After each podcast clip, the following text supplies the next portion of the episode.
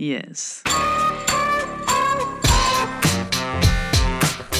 Dag luisteraars, welkom bij weer een kerstverse aflevering van de 8 Weekly Podcast.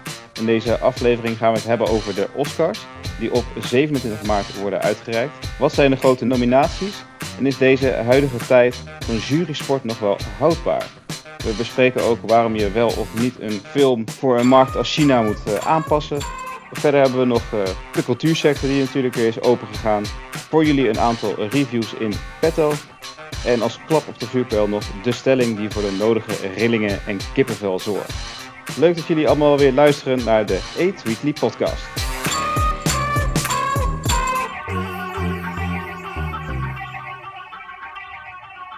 Nou, Sanne, Jorien, hoe is het eigenlijk, uh, hoe blij zijn jullie nu die cultuursector weer is uh, opengegaan? Ja, ik ben echt super blij. Ik had zoveel, zodra toen de lockdown eraf was, hoeveel mailtjes ik ook kreeg, hoeveel theaterstukken en alles er doorging en ik alles volop plannen. Ik ben er zo blij mee. Dan kan het weer nog goed in het eten gooien, maar op zich, het is open en bijna alle beperkingen zijn er af. En theateragenda stroomt weer vol en muziek komt ook steeds meer. Dus uh, ja, ik ben weer helemaal vrolijk. Ja, ik sluit me daarbij aan. Ik ben echt ook super blij. Gewoon heerlijk om weer in een volle zalen te kunnen zitten en uh, ja, genieten van, uh, van allerlei mooie dingen. Ja, ik heb echt zin in. Ik heb ook echt zin om veel, veel dingen weer te gaan kijken. Dus, um... Ja, ik zat, ik zat echt meteen, uh, weet je, de pathé-sites of de bioscoop-sites af te struinen van welke films wil ik allemaal nog zien, welke moet ik allemaal nog inhalen. Nou, de eerste paar voorstellingen, die konden al niet, want die zaten helemaal vol. Dus het, het was te zien dat het ook wel weer bij de rest van Nederland heel erg in, in trek is. En volgens mij hebben jullie allebei al het nodige gezien of op de planning staan. Ja, nou, ik heb meerdere dingen gezien. Ik had dus heel veel op de planning staan, maar door een bepaalde storm gingen er dingen niet door. Maar deze maand ging het toneelstuk Bonita Avenue in première. Dat is gebaseerd op het boek van Peter Buwalda. En dat was, ging in première in Enschede. En een hele goede plek, want daar speelt een groot deel, eigenlijk in dit geval het hele toneelstuk, zich af. Ten tijde van de vuurwerkramp in 2000. En dan zie je eigenlijk met dat die vuurwerkramp is, hè, en halve, woon, nou, de halve stad bijna, gewoon een hele grote woonwijk is weggevaagd in Enschede. En daar uh, de rector van de Twentse Universiteit, althans in het toneelstuk, hè, het is niet gebaseerd op de waarheid. Um, ja, eigenlijk met dat dat gebeurt en hij eigenlijk die crisis heel goed weet te managen, speelt er ook een hele crisis af in zijn eigen gezin. En probeert hij daar met leugens en uh, ja, een beetje wegkijken dat allemaal te, in goede banen te leiden. Maar dat uh, lukt niet. En het, uh, in rond 2010 is dat boek uitgekomen van Peter Buwalda. En dat werd echt een heel groot succes. Uh, meer dan 500.000 boeken verkocht en vertaald in allerlei talen.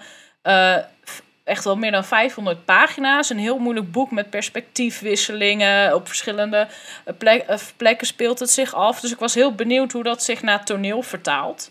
Omdat het wel erg lastig is om heden, verleden, toekomst door elkaar te doen en verschillende plekken. Maar ik moet zeggen dat ik aangenaam verrast was door de toneelversie. Tuurlijk zijn er dingen weggestreept, tuurlijk zijn er dingen anders. Maar het was eenzelfde soort spanning. Dat het, het, zou je kunnen overkomen in zo'n gezin eigenlijk. En uh, het houdt je een beetje in een wurggreep. Het wordt steeds, steeds uh, beklemmender. En heeft nogal een onthutsend einde ook. En ik heb er een recensie over geschreven. En ik vond, ja, ik, de hoofdvraag daarin, en dat is misschien ook wel uh, in het toneelstuk zelf, is: wat zou je doen als je wordt wat je haat. Deze man die haat en die, nou, bepaalde dingen, dat past niet in zijn wereldbeeld. En ja, uiteindelijk wordt hij dat door bepaalde acties die hij gaat doen. Klinkt nou heel vaag, maar ik vond het heel mooi in, in de zin van wat is goed en kwaad, hoe ver ga je voor je kinderen en hoe ver ga je überhaupt voor je goede naam. Ik ben wel benieuwd, ja, ik heb het boek ook gelezen. En ik weet nog ook dat ik het super spannend vond en heel snel heb uitgelezen. Maar ik kan, me, ik kan me dus niet meer herinneren hoe het eindigde. Ja. Ik heb wel iets met een zolder wat me heel erg bij is gebleven. Maar uh, oké, goed om te weten dat het uh, zo goed vertaald is dan. Ja. ja, nee, ik heb het boek dus ook meer dan tien jaar geleden gelezen. En ik wist ook niet meer, maar ik denk, ik moet ook niks opzoeken. Maar naarmate het toneelstuk ging, kwamen er wel stukken terug. En ja, nee, het is echt gewoon heel goed gedaan. Uh, ook met in het boek zijn bepaalde dingen, weet je pas veel later. En ja, het is nou echt wel voor toneel gemaakt. En ja, dat die spanning blijft. En acteurs doen het ook heel goed. Uh, en je hebt wel wisselingen in tijd en dergelijke. Maar het speelt zich allemaal in het huis af. Uh, in de Enschedeze boerderij. En ja, dat maakt het wel ook goed te volgen. En duidelijk. En ja, je ziet langzaamaan iemand een beetje gek worden van alle spanningen die er zijn. En nogal een uh, tragische oplossing voor het hele geheel.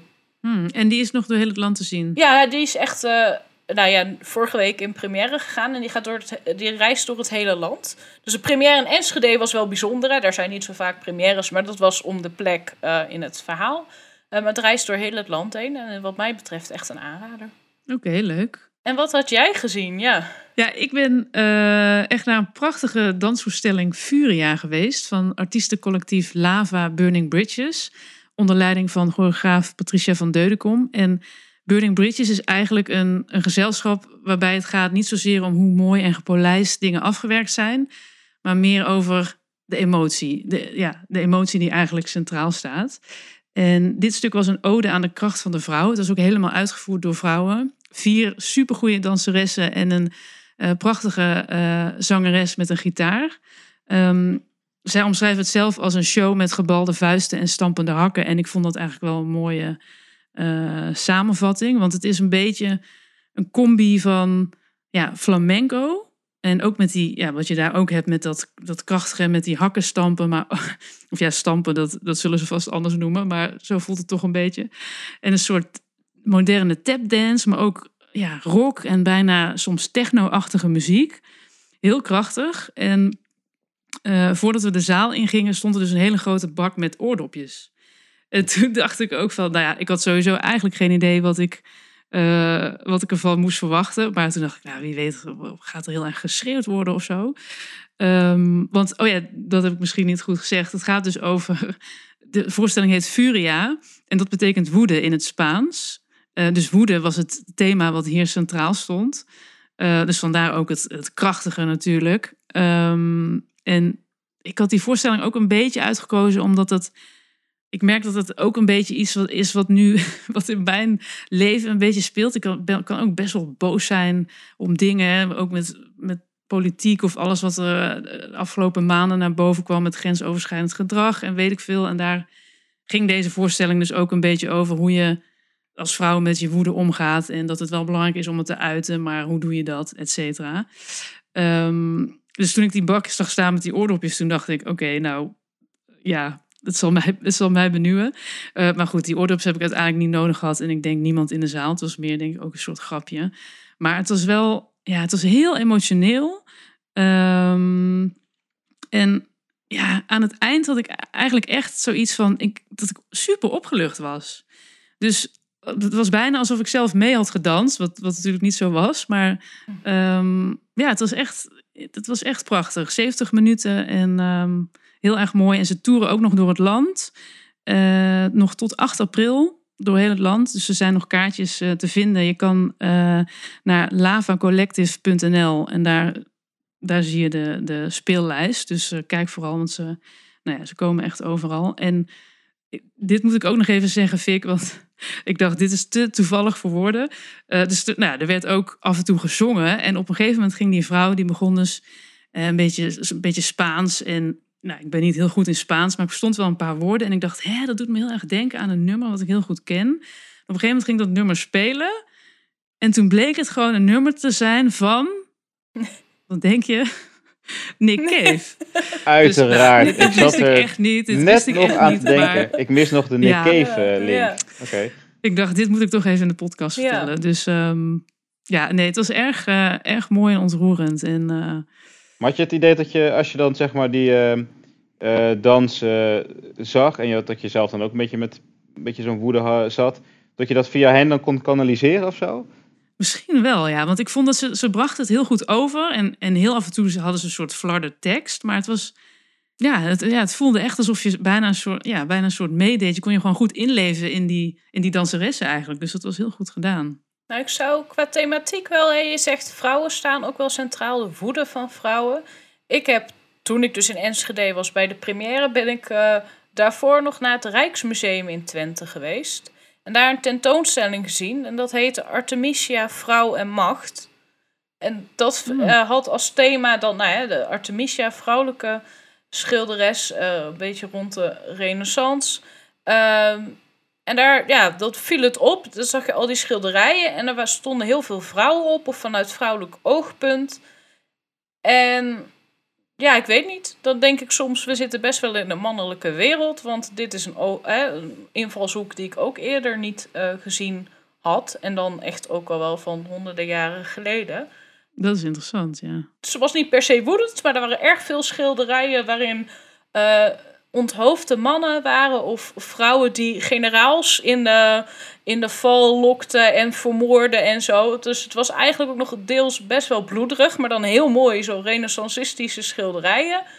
Ja, en ergens werd ik daar ook wel een soort, ik denk, nou, dit is wel een powervrouw. Hebben ze vast zo, niet zo bedoeld en ik weet niet zo, ik heb een mooie rondleiding gehad daar. Ik weet niet zoveel over die schilderkunst, maar ik vond de thematiek wel heel erg mooi. Ik denk, ergens zit er vast ook een beetje woede in die vrouw, want hoeveel onthoofde of vermoorde mannen kan je eigenlijk schilderen? Ja. ja, dat moet wel, denk ik. Ik denk ook dat het wel eh, waarschijnlijk een goed tijdsbeeld is van inderdaad van, van toen. Of dat het het goed weergeeft. Want die vrouwen werden natuurlijk ook hartstikke onderdrukt. Dus ik kan me voorstellen dat daar best wel wat woede, woede in zit. Ik bedoel, ja, het is niet voor niks dat je zoveel... Ik, je kan heel veel mannelijke kunstenaars opnoemen. Eh, zeker uit die periode. Maar noem maar eens een paar vrouwelijke kunstenaars op. Nou ja, ik, Nou ja, daar, Ja. daar heb je het al. Nou ja, Artemisia, naam om te onthouden in ieder geval. Of als je het vaste kunstkenner die het al wel kennen, maar zo globaal dat ik wat uit de renaissance inderdaad kan opnoemen, kon ik er geen vrouw bij opnoemen. En nu wel, en daar ben ik erg blij mee. Rijksmuseum in Twente is dat te zien. Cool.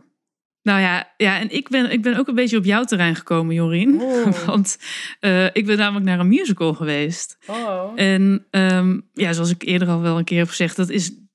Nou, ik ben gewoon niet echt een, een musical fan. Het- over het algemeen trekt het mij niet. Maar Nee. er was wel een musical die ik, waar ik de afgelopen tien jaar al veel over gehoord had. Maar die ik nog, nou, dus nog nooit gezien Mhm. had. En dat is The Book of Mormon. Oeh, die is leuk. En ja. ik, ik was er dus heel nieuwsgierig naar. En vooral, kijk, eigenlijk die titel, The Book of Mormon. Als ik alleen dat zou horen, zou ik echt denken, nou Ja. ja, mij niet bellen. Ehm, maar vooral het feit dat die gemaakt is door de makers van South Park. Ja. Dat is wat mij dan triggert. En waardoor ik benieuwd was, want hij kwam dus uit officieel in 2011 al. Ja. Dat is in première gegaan. Heeft hij heel veel prijzen gewonnen. eh, Tony's, eh, Oliver's geloof ik, Grammys, noem maar op, van alles. Ik was in december in Londen, net toen hier de lockdown begon. Nou, daar was alles open. Toen dacht ik, ja, ik moet het er nu, ik moet het er nu van nemen. En die musical draait daar al een tijdje. ja. Dus ik kon gelukkig kaartjes krijgen. En echt, nou, van tevoren, ik was, ik had nog een beetje, ik was nog een beetje sceptisch zo van, wat gaat dit worden? Maar het heeft me omvergeblazen. Ik denk dat ik, ja, achteraf heb ik erover nagedacht. Ik heb nog nooit zo hard gelachen tijdens één show. Zo hard en zoveel gelachen. Gewoon niet. Ik, ik, ik kan het met niks anders vergelijken. Het was zo goed. ja. Het zat zo goed in elkaar. Gewoon alles, ook eh, muziek en, en dansen, de hele performance. Maar ehm, nou ja, goed. Ik zal een klein beetje proberen uit te leggen waar het over gaat. Dat is op zich al Mhm. best wel Het is best ingewikkeld. Het is niet- best ingewikkeld. Ehm, nou, het gaat over, oké, de Book of Mormon. Eh, de Mormonen die zijn er veel gevestigd in Salt Lake City in Amerika. En daar worden de jongens opgeleid om dan op een gegeven moment eh, dat Book of Mormon aan de rest van de wereld te gaan verkopen en zoveel mogelijk volgelingen te krijgen. Dus, nou, je hebt een klasje. Die maken zich klaar, want die gaan dadelijk worden ze op missie gestuurd. Die hebben een opleiding afgerond.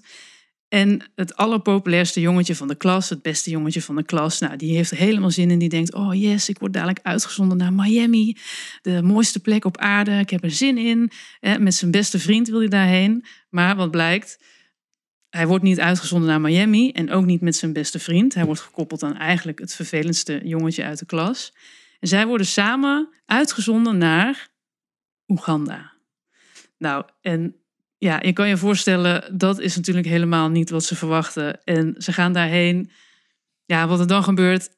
Als je het ziet, dan denk je echt: nee, ze gaan toch niet. Nee, ze gaan toch niet dit doen. Oh ja, ze doen dit. Het is Het gaat alle kanten op. Het is natuurlijk wel, ja, het is net als South Park. Het is satire, uh, maar ook met gewoon een hele goede boodschap. Het zit fantastisch in elkaar. Um, en het mooie is, de show komt nu weer naar Nederland voor een tijdje. Ja. Uh, vanaf 15 maart tot 3 april is het te zien in Carré in Amsterdam. Dus ik zou echt iedereen aanraden, ook al hou je niet van musicals, maar als je, als je een beetje humor hebt, ga erheen. Want je krijgt, ja, ik zweer het, het wordt geen teleurstelling. Hij was een aantal jaar geleden, ik denk in 2018, meen ik, in, in Nederland ook in Carré. Toen heb ik hem gezien, de, echt ook de Engelse versie. En nu weer, ja, nu ik kan, de Engelse, het je, ja. uh, kan het je helemaal aanraden. Want zeker ook als je niet van musicals houdt. Want het is eigenlijk ook gewoon een parodie op een musical. Ze doen het zo overdreven. Maar ze voldoen wel aan al die musicalwetten en dergelijke. Maar het is echt wel een parodie daarop. En ik had... Ik heb er ook wel eens afgevraagd van, nou, dat ik, ik heb al heel lang reclame voor die musical gezien en altijd gedacht, ja, wat moet ik daar nou meer? Wat een thematiek, dat is niet echt mijn ding. En South Park, ja, dat kijk ik niet. Ik weet niet of ik het heel ernstig zeg. Ik, weet, ik zeg, ik weet ook niet of dat mijn humor is. Maar die musical, ja, was het helemaal.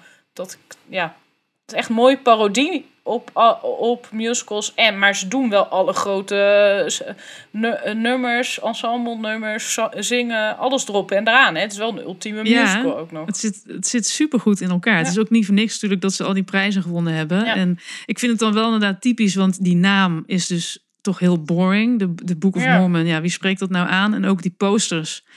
Dat, ik dacht, nou ja, het is heel ja. faal. Allemaal een beetje geelachtig. Dus er staat een bel op. Als je hem ziet, dan snap je waarom die bel erop staat. Maar eerder had ik, was het me nooit opgevallen. Maar het is echt... Um, ja, dit, ik denk dat dit een van, de, een van de leukste dingen is die je dit jaar kan zien. Dus Fik? Nee, je hebt, ik, ik kende de, deze wel, het Book of Mormon. Ik heb hem niet gezien hoor.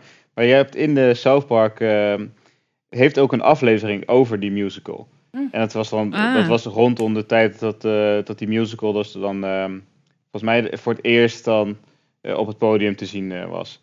Maar die aflevering is ook heel erg leuk. Ja, ik vind heel veel van South Park echt, echt geweldig. Dus ik verbaasde me toen de tijd ook wel. want ik, ik begreep toen de link niet. Ik dacht Book of Mormon, wat, wat is dat nou weer? later begreep ik pas, oh, dat is een musical die zij hebben geschreven. En dan eh, snapte ik eigenlijk wel, wel ja, waarom ze dat hebben gedaan. Want ze, ze lijken dan hun eigen musical daarin ook weer een beetje belachelijk te maken of zo. Ja. Alsof ja, ze een musical wereldje belachelijk maken met inderdaad extreem overdreven doen. Uh, een beetje een gek verhaal willen vertellen waarvan je denkt van oké, okay, dit is in een tijd van, uh, heel, van heel lang geleden. Iemand die namens uh, God spreekt. En, die, en dat, dat haalt hij uit een boek die hij zelf schrijft. Ja. Het, het, ja. ja. hele rare, er zitten hele rare dingen in, maar dat je echt denkt van waar zit ik naar te kijken, maar het is gewoon wel leuk. Ja, en het, wat ik het knappe vind, hè, want het is natuurlijk, het maakt wel iets een beetje belachelijk. Eh, naast musicals natuurlijk ook wel dat geloof op een bepaalde manier. Maar toen ik in mm. Carré zat, ik weet niet of jij dat dan ook in Londen had, achteraf, er bleken allemaal mormonen in de zaal te zitten die toch hun geloof um, gingen ja, ik weet niet, ik wil verkopen zeggen, dat is echt een verkeerd woord. De prediken, hè? Dus aan het eind van de voorstelling dat ze nog blaadjes gingen uitdelen of... Oh om, ja, serieus? Om, voor het geloof eh, te krijgen. Dat zij het ook een leuke voorstelling oh, vinden, omdat, okay. uh, omdat, het, ja, omdat ze dus het sarcasme, uh, de ironie er ook wel van inzagen. Ik weet niet of dat voor alle mormonen geldt, maar dat was toen ja. bij Nederland wel zo. Dat vond ik heel grappig, dat ik denk, oh, je kan dus zoiets maken en de mensen die onderwerp onder meer van, van spot zijn, vinden het zelf ook leuk. Dat vond ik wel goed om te zien. Dan heb je het wel goed gedaan. Ja. Maar over musicals gesproken. Ik kom eigenlijk net terug van een musical. Oh. In de studio's in Aalsmeer. Dus niet een theater, maar echt in tv-studio's is dat. is de musical One. Uh, erg nagedacht waarom nou One heet en niet één of samen. Maar het gaat over... Uh, je gaat eigenlijk een soort tijdreis maken naar het oude Egypte. En het leuke is dat die studio's waar je al in gaat helemaal aangekleed zijn in, nou ja, een beetje wat je voor kan stellen, alsof je in de tombe van een farao bent. En dat theater zelf, dat is dan heel strak ingericht. Er is helemaal geen decor, lijkt eerst. Maar dat is een LED-theater. En dat houdt in dat dus de achterwanden grote LED-schermen zijn. De zijkanten waar je zit. Mm. De bovenkant waar je in... Uh, ja, je plafond ook. Dus als wij naar het verre Egypte gaan reizen in het begin, je zit, dan ga je dus, nou, we zien beelden over de Nijl met allemaal schepen en dergelijke. Je voelt de wind echt waaien, maar je gaat echt in dat Egypte reizen. Het is wel heel mooi gedaan met al dat licht. En ook als je in de, eh, ja, in de gebouwen daar bent of op markt. Het is wel een technisch hoogstandje wat dat betreft. Dat er dus eigenlijk dus niet... Hè, er rijdt geen piramide op van bordkarton of iets dergelijks. Maar het wordt echt allemaal met die uh, lichtbakken... Oh ja, die, het ledscherm, ik moet wel goed zeggen, uh, gedaan. En dat maakt dat je helemaal in die wereld bent. En dat was wel heel mooi om te zien. was wel een spektakel. In die zin, hè, ik bedoel, Bonita Avenue, dat is echt gewoon toneel en uh, op een ja, meer hele andere manier. Dit is echt spektakel waar je voor komt. En als je zo'n One de musical wil zien, nou, dan moet je voor het spektakel gaan. Want ik vond zelf. Kijk, ik vind musical, en jullie zeggen allebei, daar hou ik niet zo van. Maar ik wel, vooral omdat op bepaalde momenten, in, als er heel veel emotie is, dan gaan mensen over het algemeen zingen. Omdat dan, en dan gaan ze niet zingen ik ben blij of iets dergelijks, maar ze zingen iets waar je uit voelt uh, dat ze heel blij, boos of verdrietig zijn. Dat is eigenlijk het concept musical. Hè? Dat er gezongen wordt op een moment dat eigenlijk je emotie, ja, dat het niet echt alleen maar in woorden te vatten is. En dat vond ik hier een beetje missen. Als in, er wordt gewoon letterlijk gezongen van ik ben blij, ik mis je. Of uh, het, wat wat platte teksten. Meteen gewoon wat er is. Soms zelfs hmm. gewoon een beetje Sinterklaas rijmachtige teksten. En dat vond ik dan wel... Uh, ja, ik ben al erg een persoon die naar tekst kijkt. En dat vond ik wel tegenvallen in die zin. Dat ik denk, nou textueel uh, maakt het eigenlijk de verbeelding die er helemaal is met ja, alle techniek. Daar haalt de tekstje een beetje uit de droom waar je in zit. Wel weer heel veel mooie kostuums. En ja, wel echt een musical verhaal. En een musical verhaal bedoel ik, dat is een flinterdun verhaal. He, sommige musicals die hebben een hele. En die draaien vaak ook heel lang. Een steengoed verhaal. Maar uh, gewoon een beetje Romeo en Julia-achtig liefdesverhaal, maar dan in het oude Egypte. Doet ook een beetje denken aan Aida. Maar het is vooral spektakel, ook met allemaal stuntmensen die half salto's maken over het podium, uh, dansen. En uh, de hoofdrolspelers blinken wel echt uit. Nienke Latte en Soy Kroon. Vooral Nienke Latte, die draagt vocaal de musical wel. Die doet dat heel goed zij valt daardoor echt wel op. En de liefdesduetten zijn wel uh, mooi. Andere, hè, voor het vocale talent verder zou ik er niet naartoe gaan. Maar ja, Nienke Latte, die heeft onder andere uh, Jasmin in Aladdin gespeeld in Duitsland. Zij heeft echt, nou, als zij gaat zingen en het dramatisch maakt, dat is echt heel erg uh, mooi. Ehm, dus ik, ja, ik, ik ga er nog een recensie over schrijven. Maar ik ben enerzijds enthousiast over de techniek, wat ik eigenlijk helemaal niet zo vaak ben, daar wil ik ook helemaal niet zoveel van. Uh, maar de textueel, het verhaal is wat minder. Maar ja, als we zo lang in lockdown hebben gezeten, mag je wel eens gewoon wat spektakel zien, toch? Het hoeft niet altijd heel diepgaand te zijn. Dat had ik vorig weekend wel bij Bonita Avenue, dat ik erover na moest denken. En dit is gewoon wel even leuk in het spektakel. Misschien een beetje een andere, andere markt of zo. Een, een wat uh, tussen aanhalingstekens oppervlakkiger musical is vast ook een, eh, een, een, eh, markt voor. Misschien is het juist voor iemand als ik dan leuker om naar zo eentje toe te gaan. Nou ja, het is wel een soort. Ik zou het, ik zou het ook nog wel met wat uh, met kinderen of zo naartoe gaan. Of gewoon. Ja, ik denk dat het een hele familievriendelijke musical is om het uh, zo te zien. Je komt er niet voor je grote levensvragen, maar dat is meestal de gemiddelde musical ook niet, als ik heel eerlijk ben. Nou, we gaan je recensie binnenkort zien dan. Ja, Kijken hoeveel, of die ook one star krijgt. Nee, nee, oh, dat, nee, nee, dat niet. Waarschijnlijk wel wat meer. Worden er wel wat meer, ja, wees gerust. Oké, gelukkig. Uh, en Fik, heb jij eigenlijk nog iets, uh, ben jij nog ergens heen geweest? Nee, spijtig genoeg uh, dus niet. Ik, ik heb vaak bij dit soort ehm, dingen, heb ik dus ook met bijvoorbeeld naar weer naar een restaurant gaan of ergens een drankje doen of op het terras te gaan zitten. Ik denk altijd van, nou ja, okay, als het weer mag, dan laat ik eerst iedereen die buitenproportioneel behoefte heeft om dit te gaan doen, laat ik hun ding doen. En dan ga ik en na dat is heel aardig van je. Oh, enkele weken later ga ik weer ergens naartoe waarvan ik denk van kijk, ik kan er gewoon naartoe gaan zonder dat ik uh, een week van tevoren moet reserveren of dat ik moet bellen of zo. Daar heb ik allemaal geen, geen zin in. Voor mij als het, het als het weer. Je wil gewoon impulsief. Ik ben wel heel erg van het uh, spontane in, op dat vlak. En oh, ik heb geen zin om het allemaal uh, weken van tevoren te gaan bedenken en ja, en te reserveren of zo. Kijk, voor mij moet het ook gewoon weer voelen als normaal. En dan voelt het dus niet als normaal om ehm, ja, alles voor te bereiden. Ik bedoel, als ik een, een kaartje koop voor een musical, bijvoorbeeld, ehm, ik noem maar zo'n Book of Mormon, dan ga je dat natuurlijk wel inplannen. Ja. Maar het, ehm, ja, ik ben altijd gewoon meer van, joh, ik, ik kan het nog wel even een paar weken allemaal afwachten. Iedereen gaat er, er naartoe en dan kan ik daarna gewoon in rust mijn ding doen en bekijken wanneer ik wil gaan.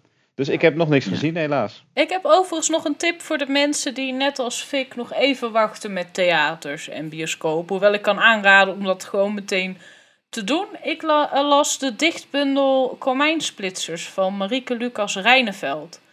En uh, ik moet zeggen, ik heb nog volgens mij letterlijk nog nooit een boek. Het is wel een dichtbundel, zo dik is het niet. Maar voor een dichtbundel is het heel dik nog nooit een boek gepakt en gaan zitten en ik denk, ik moet het helemaal uitlezen. Zeker poëzie vind ik zich daar niet zo voor lenen.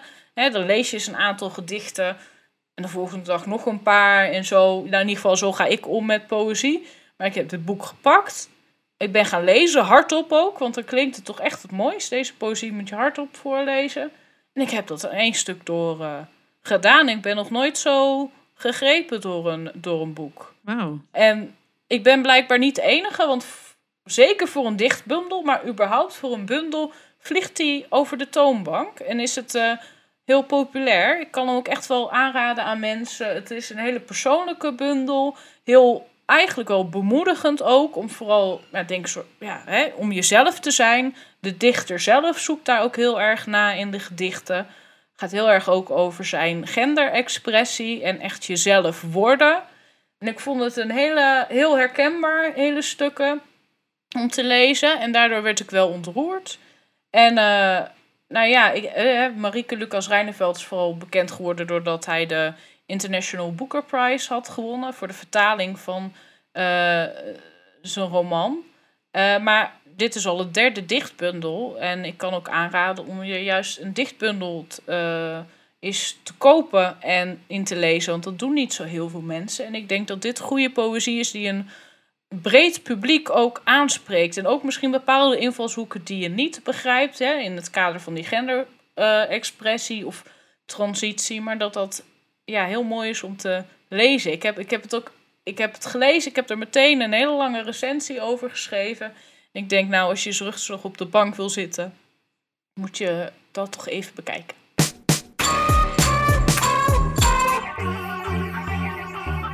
We hadden het net al uh, over gehad. Hè? De cultuursector is weer open. Theaters, uh, die, die, daar kunnen we weer lekker naartoe gaan. De bioscopen kunnen we weer naartoe. Maar de Oscars die staan voor de deur. Uh, de nominaties die zijn al bekend. zijn er een paar misschien in jouw ogen, Sanne, die een beetje opvallen of juist helemaal niet opvallen? ja, er zijn zeker weer een aantal opvallendheden. Maar eigenlijk zoals altijd zijn die Oscar-nominaties altijd een beetje omgeven van kleine relletjes. En nou goed, ze worden dus inderdaad uitgereikt op, de, de, in de nacht eigenlijk van 27 op 28 maart. En dat gebeurt dan in een show die duurt 3,5 uur. Nou, behoorlijk lang dus. En eigenlijk is het zo dat de afgelopen jaren kijken er steeds minder mensen naar. En ABC, de zender die dat uitzendt, heeft zoiets van: ja, we moeten dat een beetje opleuken en we moeten zorgen dat er weer meer mensen kijken.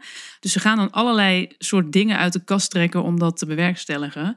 Eigenlijk zijn voor iedere categorie altijd vijf mensen genomineerd. Maar ze hebben nu bedacht: voor beste film nomineren we er niet vijf, maar tien. Nou ja, dat is natuurlijk behoorlijk, behoorlijk wat. Maar al die tien films gaan natuurlijk nog meer reclame maken en eigenlijk is dat het ook een beetje, hè, want het is, voelt een beetje als één grote reclameshow. Um, dat, dat is ook zo omdat überhaupt om al genomineerd te worden, daar gaat eigenlijk al een hele selectie aan vooraf. Ik weet niet of jullie weten hoe dat werkt, maar ik kan het even heel kort uitleggen. Iedere studio die, die bedenkt eigenlijk van tevoren van... Goh, met welke film gaan wij kans maken? En die film, daar gaan we alle pijlen op richten. Daar gaan we alle pers omheen uh, vergroten. Daar gaan we alle leden van de Academy extra screeners, extra uitnodigingen voor sturen om het lekker bekend te maken eigenlijk. Dus bijvoorbeeld een van mijn favoriete films van het afgelopen jaar was The Card Counter van uh, Paul Schrader. Die zie je nergens terug in de, in de nominaties. Maar dat komt ook, want die film was dus van Focus Features, de studio. En die studio had ook Licorice Pizza van Paul Thomas Anderson. En die hebben ervoor gekozen om dus heel erg veel aandacht te geven aan die film, die inderdaad nu een aantal nominaties heeft. Dus weet je, het is nooit uh, helemaal eerlijk, om het zo maar te zeggen. Maar goed, het is de show. Heel Hollywood is er. Zo dat de hele wereld er naar kijkt. Maar de relletjes die toch wel een beetje loskwamen, was eerst had je al, um, hoe heet die, Seth Rogen. Die zei al van, ja, wat, waar maken we ons eigenlijk druk om? Wij zijn filmmakers, wij geven elkaar een prijs dus. Uh, en waarom zou de rest van de wereld daar überhaupt iets om geven? Want hij zei, het interesseert mij toch ook geen ene bal wie de wie de prijs van de beste auto wint of zo in de, in de autowereld. Dus laten we ons er niet zo druk over maken. Tegelijkertijd had je Josh Brolin. Nou, die acteur die ken je misschien wel, Vic, uh, van de Marvel-films. Tegelijkertijd, Jazeker. hij heeft een groot publiek, uh, want daarna speelt hij ook in heel veel arthouse-films. Dus een groot bereik. En die werd echt woest toen hij die Oscar-nominaties zag. Dus die heeft meteen een filmpje opgenomen en op Twitter gezegd, want hij speelde vorig jaar in de film Dune. Um, en die film, die is van Denis Villeneuve, die heeft tien Oscar-nominaties, echt heel veel. Maar hij is niet genomineerd voor beste regisseur. En Josh Brolin, die heeft dus in dat filmpje gezegd van... nou, jullie zijn helemaal van de pot gerukt. Kennelijk vinden jullie die film zo goed dat jullie hem tien nominaties geven. Maar de man die dat allemaal mogelijk maakt, die vergeten jullie. Um, dus nou ja, er gaan dan nu al wat stemmen op dat, dat, dat er misschien wel een soort troost-Oscar zou kunnen komen. Stel want eigenlijk hoort dit natuurlijk ook bij de PR. Best wel slim van Josh Brolin. Want het zou zomaar kunnen dat iedereen die stemt dacht van ja, shit, hadden we, we hebben hem inderdaad nou ja, geen Oscar credit gegeven of geen Best Director credit. Maar dan stemmen we op beste film voor hem. Dus zo gaan er allemaal kleine radertjes spelen waar, waarbij je eigenlijk niet meer echt duidelijk kan zeggen het van... Wordt gewoon, ja. Het wordt eigenlijk gewoon een groot politiek spel. Ja, dat is het wel een beetje. En toen kwam ook nog Jimmy Kimmel. En die was helemaal woest, want die zei ja, maar de allergrootste publiekfavoriet van het jaar, Spider-Man No Way Home, die is nergens te bekennen. Wat een, ja, wat een onzin. Die film moet op zijn minst genomineerd worden voor beste film. Nou goed, daar lopen de meningen over uiteen. Um, ik weet niet of jij hem al gezien hebt, Vic.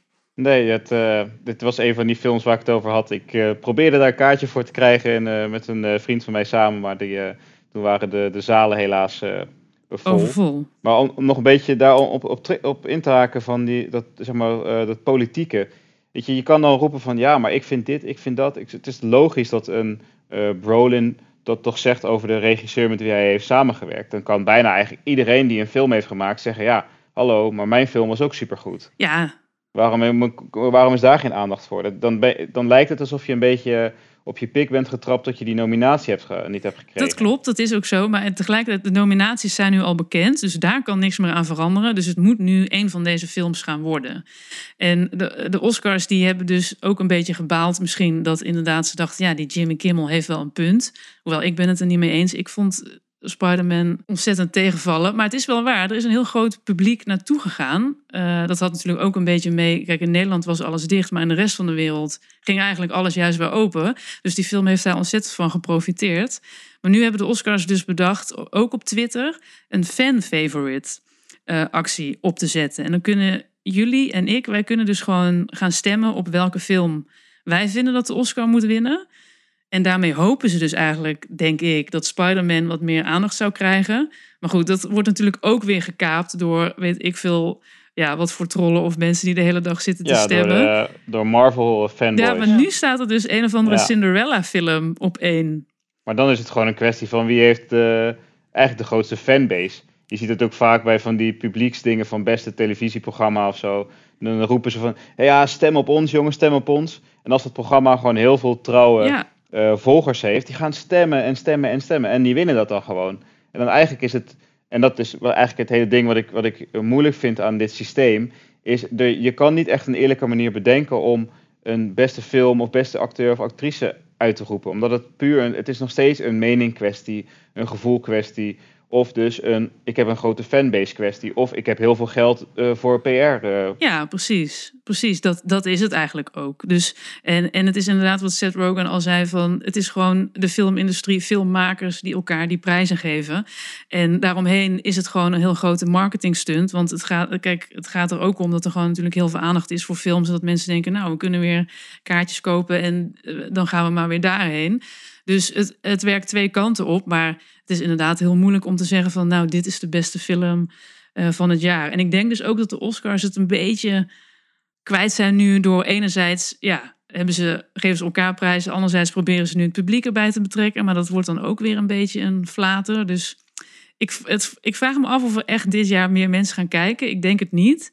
En heel kort even over wie er genomineerd zijn. Want het zijn dus echt superveel films. Maar wat mij betreft zitten er eigenlijk maar twee films tussen die kans maken. Of ja, die ik echt eruit vind springen. En dat zijn The Power of the Dog van James Campion. Die heeft ook twaalf nominaties. In theorie zou die dus uh, Titanic en Ben Hur kunnen verslaan. Dat gaat niet gebeuren, maar uh, ik, ik voel wel veel voor die film. En de andere is, en dat is een redelijk interessante, want dat is een Japanse film. De enige buitenlandse film die genomineerd is voor beste film, dat is Drive My Car. Uh, ook een erg mooie film. En de rest, ja, je hebt Don't Look Up zitten tussen, Belfast, Coda, West Side Story. Um, nou, June dus, die zou dus kunnen winnen als een soort van troostprijs misschien. King Richard zit er tussen, Licorice Pizza, Nightmare Alley. Maar dat is nou ook een beetje treurig eigenlijk. Hier, alsjeblieft, je hebt een troostprijs Oscar. Bedoel, ja, nu zeg ik dat. Hè. Dat zullen heel veel mensen zijn het ongetwijfeld niet met mij eens. Want doen is natuurlijk ook, weet je, wordt door heel veel mensen op handen gedragen. Maar juist omdat Josh Brolin dit nu zo heeft gebracht, ja, kan ik me voorstellen dat mensen uit een soort sympathie daarvoor gaan stemmen. Meer dan van, dat gaat, goed, dat is dus afwachten. Toch, uh, dat gaat als toch nooit gaat gebeuren? hè? Maar, maar, maar, wat, moet een... Uh, ik, ik vind het idee wel leuk of zo, maar eigenlijk slaat het nergens op. Want je hebt al de beste producent of uh, regisseur, acteur uitgedeeld. En dan zeg je, oh ja, en eentje die ook wel goed was, maar helaas, je bent tweede geworden. Hier heb je een troostprijs Oscar. Dan moet je dat ook voor acteur en actrice gaan doen. Eigenlijk wel, eigenlijk wel. Maar het is meer van, worden die mensen die moeten stemmen geraakt door zo'n filmpje van Josh Brolin? Nou ja, dat kunnen we bespreken in de podcast die we gaan opnemen na, uh, na dat ze uitgereikt zijn. We sluiten het puntje Oscars af. We gaan, we, we gaan het er weer een keer over hebben zodra de nominaties of uh, uitreikingen uh, zijn geweest. Dan ben ik ook heel erg benieuwd naar wie de winnaars worden. we blijven even bij film. want niet heel lang geleden kwam naar buiten dat een Fight Club, het einde van die uh, film met uh, Brad Pitt en met... Edward Norton. Edward Norton, dankjewel. Maar dat einde van die film was dus in China was heel lang aangepast. Dus het, het einde waarin je dus ziet dat Edward Norton eigenlijk schizofreen is, dat stond niet, was wel niet in die film terug te zien in, in China. Nou, nu hebben ze dat dus wel gedaan. En dat ze de hele stad opblazen, hè? Want ja. het, gaat, het wordt best wel extreem. Ja, dat was uh, te veel uh, geweld. Nou, nu is die uh, einde is er dus nu wel openbaar gemaakt. En nou, wat, is het? 20, bijna 30 jaar na dato. Dit gebeurt dus, dit gebeurt dus vaker. En dan heb ik nog een paar voorbeelden. bijvoorbeeld de Joker, die, nou, die is überhaupt niet uitgezonden in China. Je hebt World War Z, dat is een film ook met Brad Pitt. En er zitten ook zombies in. Nou, die zijn ze daar in het Verre Oosten totaal niet fan van zombies. Dus dat soort films komen er überhaupt nooit in. Maar wat eigenlijk meer bijzonder is, is dat die film niet daar is gedraaid omdat Brad Pitt erin speelt. En ze draaien daar geen Brad Pitt films meer sinds Vanwege... Seven Years in Tibet. Ja. En oh, ja. Uh, daar was China heel boos over, dat het land heel slecht werd afgeschilderd uh, met betrekking tot uh, van opnames van Tibet in uh, China. En er was ook heel veel bezwaar tegen het feit dat er zo'n positief beeld van de uh, Dalai Lama naar buiten werd gebracht. Nou, dus ja, maar hoe doen ze dat dan? Knippen ze Brad Pitt gewoon uit alle films? Nou, die, film waar hij inspeelt, die komt, wordt gewoon niet daar in die markt gebracht. Maar wat ik me dan afvroeg, uh, San, jij bent een regisseur.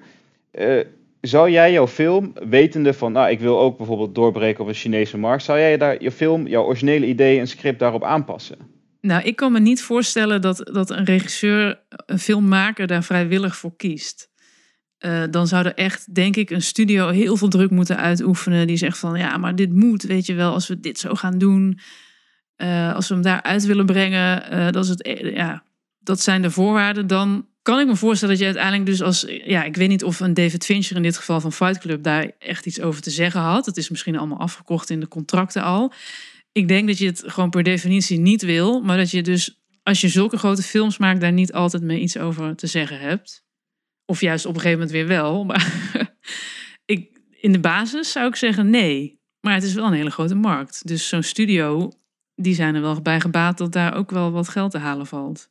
Ja, misschien niet alleen geld, ook, ook toch wel uh, naamsbekendheid. Uh, in een hele andere wereld. Ja, ik, ik kan me voorstellen Ja, dat maar je ik denk toch wel dat geld daar aan de basis is. dat, Want dat, is, dat is logisch, ja. Ja. Ze moeten zo'n film natuurlijk terugverdienen. Maar het gebeurt toch wel vaker, ook met films die best wel controversiële onderwerpen hebben, dat een, eh, die wel besproken worden. Ik weet een voorbeeld van Disney een aantal jaar geleden, Beauty and the Beast. Daar werd dan een soort eh, eh, referentie naar gemaakt dat een van de personages misschien gay was of verliefd kon zijn op een man. Dus een heel klein stukje in de film was überhaupt al heel veel ophef over, of heel veel reclame voor, in ieder geval in de westerse wereld, dat dat was. En heel veel ophef over. En in de film viel het behoorlijk tegen. Maar dan in de landen waar homoseksualiteit niet geaccepteerd wordt of minder geaccepteerd wordt, wordt dat uitgeknipt. Volgens mij door de producent zelfs zelf. Omdat ze dan anders de hele film niet te kunnen uitbrengen. In dit geval ging het om een paar seconden. Uh, maar dat schijnt veel vaker te gebeuren, in ieder geval met controversiële Ja. onderwerpen. Dat dat dan eh, bepaalde stukken uit films geknipt worden. En niet alleen in China. Nee, nee, nee. China was nu toevallig in het, eh, het voorbeeld vanuit, eh, vanuit Fight Club. Maar dat, dat klopt inderdaad. Dat, ja, ik, ik zal het bijna zelf zeggen, als je regisseur bent, dan of het nou om heel veel geld gaat of niet, ja, dan laat je ja, daar toch je oren niet naar hangen. Ik bedoel, jij, jij, staat toch ook voor iets zelf, of je hebt toch ook een eigen gevoel of eigen waarde daarbij, dat je denkt van joh, luister, eh, het is de hele film of hem, of hem helemaal niet. Dat klopt, maar daarom heb je ook vaak, eh, heel veel films hebben een director's cut. En dat is de reden dat ze dus eigenlijk de film niet konden maken zoals ze wilden, omdat de studio daartussen kwam vanwege allerlei inderdaad politieke, what, whatsoever for reasons. Maar ehm, ja, dus daarom zijn er soms dus inderdaad twee versies van een film. Van dit is hoe ik de regisseur het gewild had en dit is hoe die dan uitgebracht is. Maar, maar als je dan bijvoorbeeld een DVD hebt, dan, dan krijg je soms eh, een DVD hoor mij nou, vroeger. Ja, Eh, oude tijden. Eh, dat, dat je dan de twee versies ook op zo'n op zo'n DVD zou hebben staan? Klopt, ja. Er stonden vaak twee versies op een DVD. Of er werd juist nog een nieuwe DVD uitgebracht, want dat is dan ook weer eh, natuurlijk financieel interessant. Met van, oh, hier is de dire- director's cut. Ik weet, Paul Verhoeven heeft ook een aantal films waar hij echt een andere eh, keuze heeft gemaakt. Bijvoorbeeld Hollow Man, daar is ook een director's cut van. Eigenlijk, als je het echt gaat opzoeken, zijn er best wel wat films waar een director's cut van is. Een hele bekende is ook The Shining van Stanley Kubrick. Ehm, die heeft de, de, de originele en de director's cut. Dat scheelt volgens mij zelfs drie kwartier of zo. Oh. Wauw. En uiteindelijk is één, één van die twee is dan uitgebracht in Amerika en de andere in Europa. En die waren heel lang ook niet. eh, dus in Amerika kon je heel lang niet de Europese versie zien en in Europa niet die, eh, die Amerikaanse. Ehm, maar ja, dus het, ja, het, gebeurt, het gebeurt vaker. Maar ja, voor een regisseur, ik zou het erg frustrerend vinden. Eh, zie, je, zie je dit ook bijvoorbeeld terug in eh, theater, Jorien? Dat je, eh, want je ziet natuurlijk heel veel shows zijn, zowel in, in bijvoorbeeld Engeland of zo, of, en in Nederland te zien. Natuurlijk zijn acteurs dan vaak anders, maar wordt er dan aan een verhaal eh, wat, wat veranderd? Ja, maar op een, althans wat ik weet, op een hele andere manier. Het wordt vertaald en vaak zitten met hem in de vertaling ehm, veranderingen in. Of de setting, hè, als iets in Amerika zich afspeelt in een high school, dat dat soms dan naar Nederland wordt gedaan. Of dat grapjes die typisch Amerikaans zijn naar verwijzingen, dat die eh, Nederlands worden gemaakt. Je hebt eh, bijvoorbeeld... Er zijn producenten die daar heel erg op letten. Bijvoorbeeld Disney. En hè, bijvoorbeeld iets met The Lion King of Mary Poppins. Dat brengen zij uit. En dan gaat in Nederland wordt dat vertaald. Ehm, en maken ze een Nederlandse versie van. Maar zelfs bij de casting van personen komt dan een Amerikaanse casting director zitten. Of die er wel aan voldoet. Er is wel eens eh, Stanley Burleson is ooit voor eh The Lion King gecast en, eh, in 2000, rond 2004. En daar waren de mensen het niet mee eens. Terwijl bij onze grote musicalsterren die we het allemaal zo zien vervullen daar rollen in. En vertalen wordt heel streng gedaan. Het wordt dus in het Nederlands vertaald. En dan komt er een onafhankelijk vertaalbureau dat het weer in het Engels vertaalt. En dan gaan zij kijken of het nog wel klopt. Terwijl, nou ja, Oh. Martine Bel kon heel mooi vertalen. En die had dan wel leuke grapjes erin die zich gewoon niet... Ja, dat is niet grappig in het Engels. Ook omdat je een ander soort humor hebt. Dus dat daar heel vaak over gediscussieerd wordt... of je het wel zo kan vertalen, of je het zo kan brengen. Maar dat wordt meestal heel streng, omdat die rechten dan verkocht worden. Op een gegeven moment mag zo'n musical, eh eh, nou heb ik nu specifiek over musicals, naar het buitenland gebracht worden. Maar er zit vaak nog dik bovenop dat het hetzelfde blijft.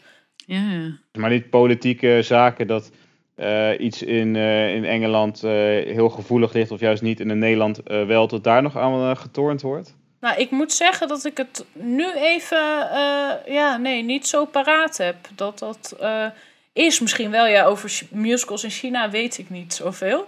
Maar dat een grote eh, stap in cultuurverschil wel wat uitmaakt. Maar ik weet, ik ga het eens opzoeken of dat zo is.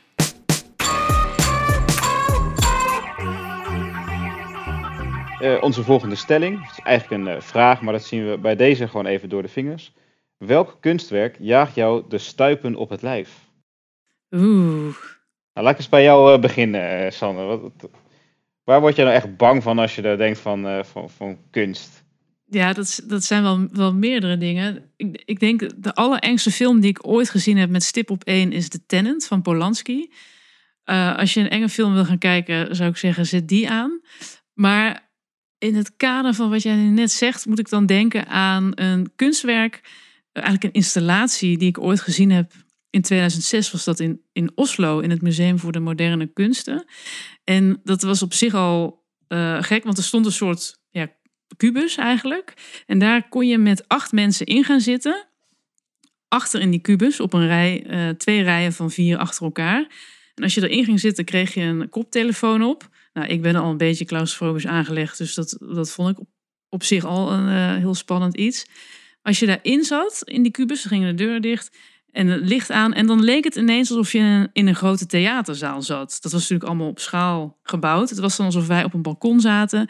En voor je nou, zag je de rest van het theater staan. Op die koptelefoon hoorde je ook echt geroezemoes. En alsof je met duizenden mensen in die zaal zat.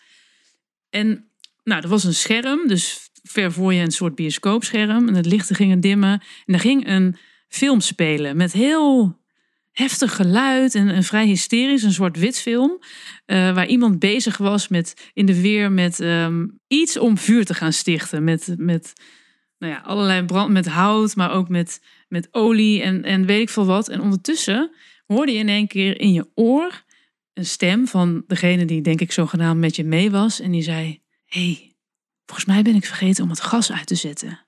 Kan jij je nog herinneren of ik het gas al uit heb gezet? Oh, oh, die Eh, vraag alleen al. Heel ja, creepy. en dat bleef maar zo doorgaan van... I think I left on the stove. En het, het was in het Engels, maar het werd, het werd steeds hysterischer. En ondertussen zag je dus op het Oh. scherm voor je... zag je alles in de, in de hands gaan. En het, was, het werd zo intens en spannend. En ja, dat is, nou ja, dat is me nu nog steeds bijgebleven. Ik vond dat echt... Dat vond ik heel Ja. indrukwekkend en best wel eng. Ehm, Maar dat maakte je echt mee dus. Je zat wat Ja. onderdeel van het kunstwerk. Ja, je werd onderdeel van het kunstwerk en je wist natuurlijk dat het totaal, want je, ja, hallo, eh, ik ken die stem niet eens, maar je ging er helemaal, je werd er helemaal akelig van en je had het idee dat het, ja, dat het, dat je, dat was gewoon echt heel eng. Ja. Dus heel, heel goed gedaan, echt angstaanjagende kunst. En ik heb één ander ding dat, dat, ja, dat achtervolgt me al jaren, zou ik willen zeggen. Dat is bij de in de NS, de treinen. Daar nou, doen, ze ook kunst. Ehm, ik heb de meeste kunst die ik daar heb gezien, die heb ik niet helemaal eh, eh, begrepen. Dat kan aan mij liggen. Maar er was iets in de sprinter. En dat is een sprinter die ongeveer tien jaar geleden... Toen waren dat nieuwe sprinters. Inmiddels heb je alweer die nieuwe sprinters met eh Mondriaan dingetjes. Maar dat waren nou, iets oudere sprinters. En elke keer op het raam, of niet op elk raam, of op een aantal ramen... stond dus een heel gek blauw mannetje getekend. En ik ben er nog steeds niet uit, want ik werd elke keer helemaal naar van als ik er naar keek. Want het leek een soort ja, ongelukkig mannetje met drie benen. Of een boom met een hoofd en drie benen. Ik kan het niet uitleggen, maar ik vond het altijd zo'n naar beeld om te zien.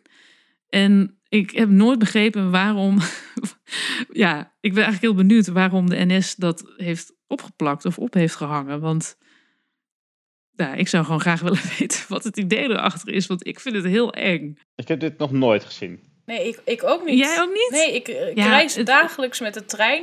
En ik mag de kijker vast wel vertellen dat Sanne dit al wel eens eerder verteld heeft. En ik dacht, nou ga ik opletten, want dan ga ik ontdekken wat voor een kunst Sanne ja, hier maar ik bedoelt. weet, Maar ik heb ik het weet gewoon zeker dat niet het gezien. is. En ik zit echt vaak in de trein. Dus En ik heb het ook aan meer mensen gezegd, maar niemand lijkt te weten wat ik bedoel. Maar ik, ik zweer het, eh, het bestaat echt. Dus ik wil hier bij de luisteraars ook oproepen van... alsjeblieft, weet jij wat ik bedoel? Dat, dat blauwe mannetje. Ja, misschien is het dus geen mannetje, zie ik dat erin. Het heeft wel een soort hoofd en schouders. En dan loopt een hele lange lijn naar beneden. En daar komt het in een soort ja, benen, maar dan drie benen samen. En er zit ook een soort nerven in. Het bestaat echt. Bij deze nodig om ook uit om eh, in de podcast te komen om zijn verhaal eh, te doen. Ja. Zeker. Ik zou heel graag met, met hem of haar eh, hierover eh, willen En spreken. wel mooi om te kijken of dat het doel is dat wij naar worden van een bepaald iets. Hè? Ik bedoel, emotie opwekken Ja. is een belangrijk iets van kunst. Maar of ze dat Ja, als ik in de trein zit, heb ik liever een ander soort emotie. Ja. Ja, En jullie dan? Maar ik had zelf eh, eh, ook, als jij noemde nog een eh, film, is een film die in mij echt als eh, eh, heel eng is bijgebleven. Ik denk, Een van de eerste films waar ik een beetje nachtmerries van had, was eh, Watership Down. oh. Oh, met die konijnen. ja, oh, dat, met die bloeddorstige konijnen die elkaar dan die echt... rode verschrikkelijk. ogen. Ja, dat, oh, dat, vond ik, dat vond ik echt eh, Oh, zo... Dat is echt naar. dat ja. vond ik, het is gewoon een kinderfilm, hè? het is een animatiefilm. Dat, dat je denkt, ik, Volgens mij heb ik er een serie vroeger van gezien. Was dat ook nog? Maar ja. Ik wilde die ook nooit zien. Ja, we hadden die ook op videoband. Ja, ik heb Nee, hem een, keer gekeken. Je denkt van, oh leuk, eh, schattige konijntjes die een beetje met elkaar Ja. spelen op een mooi Ja. weiland, maar eh, niets blijkt minder waar te zijn. Ja, dat, vond, dat is toch een van de films die ik, eh, ja, ja, geen, geen fijne herinnering aan. Ik vraag me wel af, als ik hem nu zou kijken, hoe ik er dan naar kijk. Of je dan het idee hebt van, nee, zo eh, ernstig is het eigenlijk helemaal niet. Ik bedoel, films die nu uitkomen, die zijn veel eh, ernstiger of zo, of veel ja, bloederiger. Fight Club ja. is ook inderdaad geen gezellige film. Ja. Nee, maar die keek ik ook niet toen ik vijf was. Nee, Dus- precies. Nee. Dus daarom wel een, misschien. eh, een verschil. ja, het zou interessant zijn om een, een soort revival te doen. Ja, het is misschien wel. eh, Oké, Watership. Ik, ik, ik ga hem op een lijstje. Misschien staat hij ergens Ja. op een streamingdienst. Eh, maar een kunstwerk. Ja, eh, hetgene wat mij echt een beetje nog is bijgebleven. Ik weet echt niet hoe die kunstenaar heet. Maar dit, ehm, er was een eh, museum in Milaan. En dat was een eh, museum van moderne kunst. Ehm, nou, ik vind dat ja, moderne kunst. Ik kan daar zelf niet zo heel erg veel mee. Maar de, de- bij binnenkomst in de grote zaal, want het was allemaal heel erg eh, wit daar. was een soort van zandbak. En alles was eigenlijk zwart. Of eh, eh, eigenlijk was het as. En je zag daar allemaal een soort van halve dode dieren liggen, eh, botten. Of zo'n eh, een, een, kopje van een, van een vogel waarvan de helft skelet was en de helft nog een beetje intact. Maar dat stond dan ehm, voor een, eh, ja, waarschijnlijk een, een, een, een lava-uitbarsting vroeger in, in, in Italië. Ik weet niet welke vulkaan, maar vast een van de. En dan dacht ik, oh, wat, ik heb daar naar staan kijken. Ik heb daar bijna gewoon een kwartier stilgestaan. Ik dacht, waar zit ik naar te kijken voor iets? Lugubers. eh, weet ik, ik denk van, maar hoe ziek is die geest van die persoon die dit dan, dan maakt of zo? Wat is het idee erachter om een, een soort van zandbak te maken waar allemaal dode dieren verbrand in liggen? Ik, ik snap daar niet echt... eh, ja, ik kan het niet als kunst zien. Stond er niet zo'n bordje bij? Ja, dat, dat ongetwijfeld wel, maar we hebben het over eh, tien jaar, twaalf jaar geleden. Oh ja, ja. Eh, dus, dus dat staat me niet helemaal meer bij wat, wat precies de reden was of wie het heeft gemaakt. Maar ik zo, Ja. kan niet zo goed begrijpen wat, nou, eh, wat hier nou kunst aan is. Dat vond ik altijd wel een beetje. eh, nee, dat, eh, die staat me niet, niet, niet heel Je hebt fijn daar ook eh, nog bij. nachtmerries over gehad. Ja, af en toe als ik daar weer over nadenk, dan krijg ik er weer een beetje van die rillingen van. Dan denk ik van, ach nee, niet.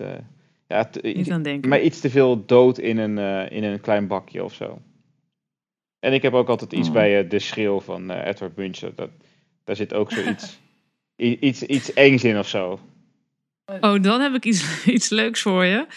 Dat ga ik je even opsturen. Eh, die kreeg ik een tijdje terug doorgestuurd. Dat, dat je niet, ja, eigenlijk is het ook heel flauw. Want je kan er, als je het eenmaal weet, kan je er niet anders meer naar kijken. Dat heb je soms. Maar dat het net een hond is. Als je die handen die, die voor zijn gezicht houdt in dat schilderij. Ja. Dat kan je ook op een andere manier zien. En dan lijkt het net of het gewoon een hond is. En die handen zijn oren. Ja, en dan Oh. ziet het er ineens heel schattig uit. Oh, dan wordt het is heel, minder eng. Wat zei je? Dan wordt het eigenlijk een stukje minder eng. Ja, wordt het heel veel minder eng. Ja, het is, het is ook wel jammer, want nu elke keer als ik het dus zie, dan zie ik die hond. Dus Ja. dat is wel het nadeel. Ik, eh, ik heb hem voor me, ik snap hem. Ik zie het nou al voor me. Ja, dat is Ja. eigenlijk best stom. Dus, Zullen we dus- even kijken of we deze, dit plaatje bij, eh, op, eh, de, eh, bij, bij Instagram eh, Ja. bij de podcast Ja. kunnen zetten. Dan. Het is eh, niet een heel schattig rondje, maar ja, ik, eh, Ja. ik, ik zie hem wel, eh, ja. Ja, ik vind daar een beetje dat, dat zo, maar dat los even van die hond, het is zo'n gevangen in je eigen schreeuw of zo. Of eh, je bent bang en Ja. angstig en je kan het eigenlijk niet eh, uiten. Je zit vast. Ja, dat geeft ook een soort van eh, gek gevoel. Zo. Ja, dat is precies wat ik ervaar als ik dus in, het, in die sprinter zie en dat, dat enge poppetje zie. Oh. Nou, ik heb dat bij iets anders. Ik, eh, ik dacht eerst, eh, kijk, in voorbereiding van die podcast ging ik natuurlijk nadenken over deze vraag. Ik dacht, nou, ik word helemaal nergens bang van. Ik weet niet. eh. ja, ik heb hoogtevrees hoor. Het is niet alsof ik heel stoer ben voor heel veel dingen een drempel. Maar qua kunst dacht ik, ik denk nou. Maar ik was dus in dat Rijksmuseum in eh, Enschede, eh Rijksmuseum Twente. En daar hadden heel mooi dan die tentoonstelling voor Artemisia. En daarna gewoon de eh, vaste collectie. En dan hangen er wat schilderijen uit de middeleeuwen, wat middeleeuwse kunst, eh, eh, ja, houtsnijwerk en dergelijke. En dat vind ik, ik hou heel erg van historische kunst. Ik weet niet, ik waan me graag in de geschiedenis wat dat betreft.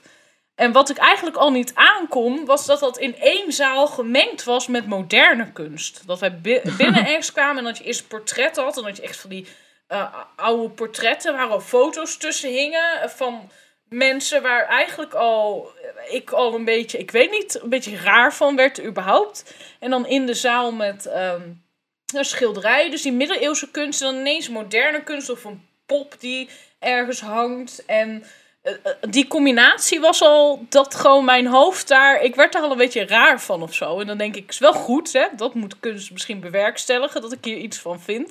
Het ging niet meer om de kunst, maar om de combinatie van alles. Maar het engst of zo vond ik nog dat ik naar wat middeleeuwse schilderijen zat te kijken en ik hoorde iets. En achter mij lag het kunstwerk, ik heb nou opgezocht hoe het heette. Life Instinct van Bart Hess uit 2018.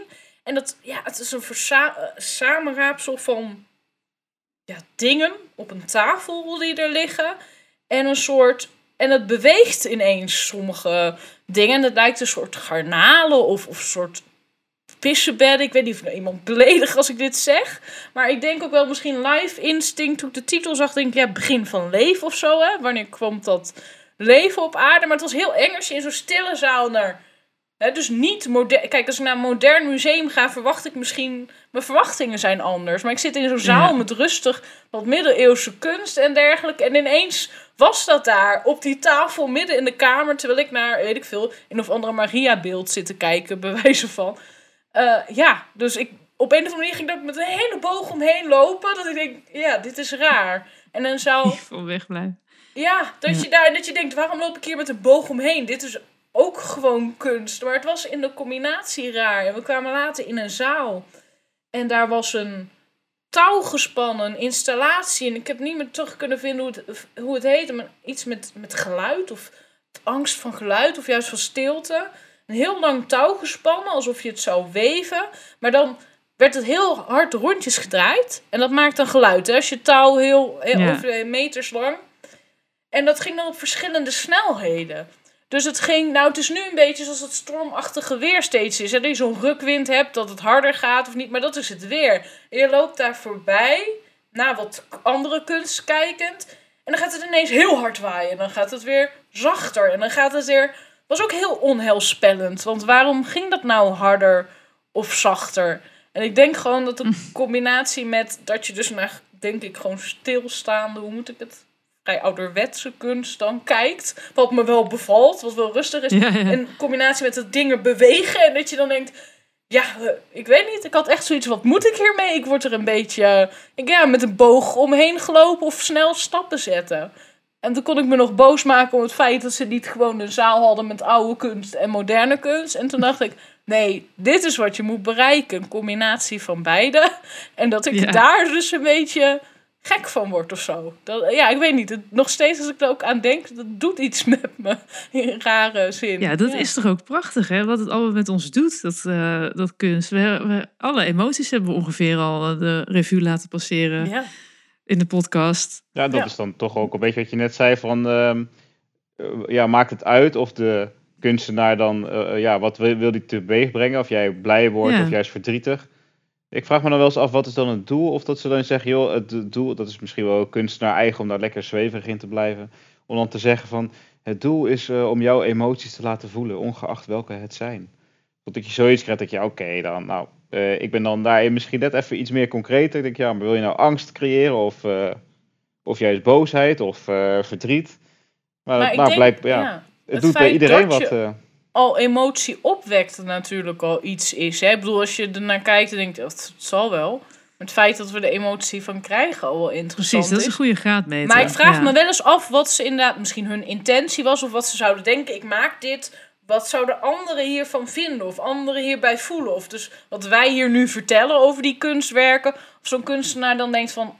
eh, dit had ik echt niet zo bedoeld. Dit was heel liefkozend of heel... Ja, ja, ja, Ja. en dan worden wij er bang van. Maar ja. ja, het is wel altijd interessant. Ik vind het ook. Kijk, als ik een film maak, dan stop ik daar natuurlijk ook heel veel dingen in. En ik hoop dat de kijker daar iets van oppikt. Maar ik vind het ook altijd heel spannend, ja, om te horen wat, eh, wat kijkers er dan uithalen. Of wat voor hun het grote thema is. Of, eh, en vaak zitten er wel dingen in die, die ik ook wel heb bedacht. Maar soms hoor je ook wel eens nieuwe invalshoeken. ja. het is wel interessant. Maar mensen kunnen Ja, er wel- soms veel meer uithalen. Hè? Ik schrijf dan wel tekst en ik heb ook wel eens commentaar gehad op een gedicht of iets dergelijks. En dan denk ik, oh, dit heb ik er helemaal niet ingestopt. Dat iemand zegt, wat ben jij diepgaand over dit en dit. En dus je denkt, zo diepgaand ben ik helemaal niet. Maar dankjewel, ja. Ja, grappig is dat. Ja. Nou, ofwel onbewust. Dat ja, is... nee, natuurlijk. Hè. Onbewust ben Ja. ik heel goed. Maar nee, ja, maar het is leuk om te zien wat mensen eruit halen. Ja. Ja, en daarmee zijn we alweer aan het einde gekomen van deze podcast, van de 8 Weekly Podcast. Eh, mocht je enthousiast zijn geraakt van een van de theatervoorstellingen die we hebben besproken, eh, de link in de omschrijving om te kijken naar kaartjes of om gewoon even de site te bekijken of je er toch wat meer informatie over vindt.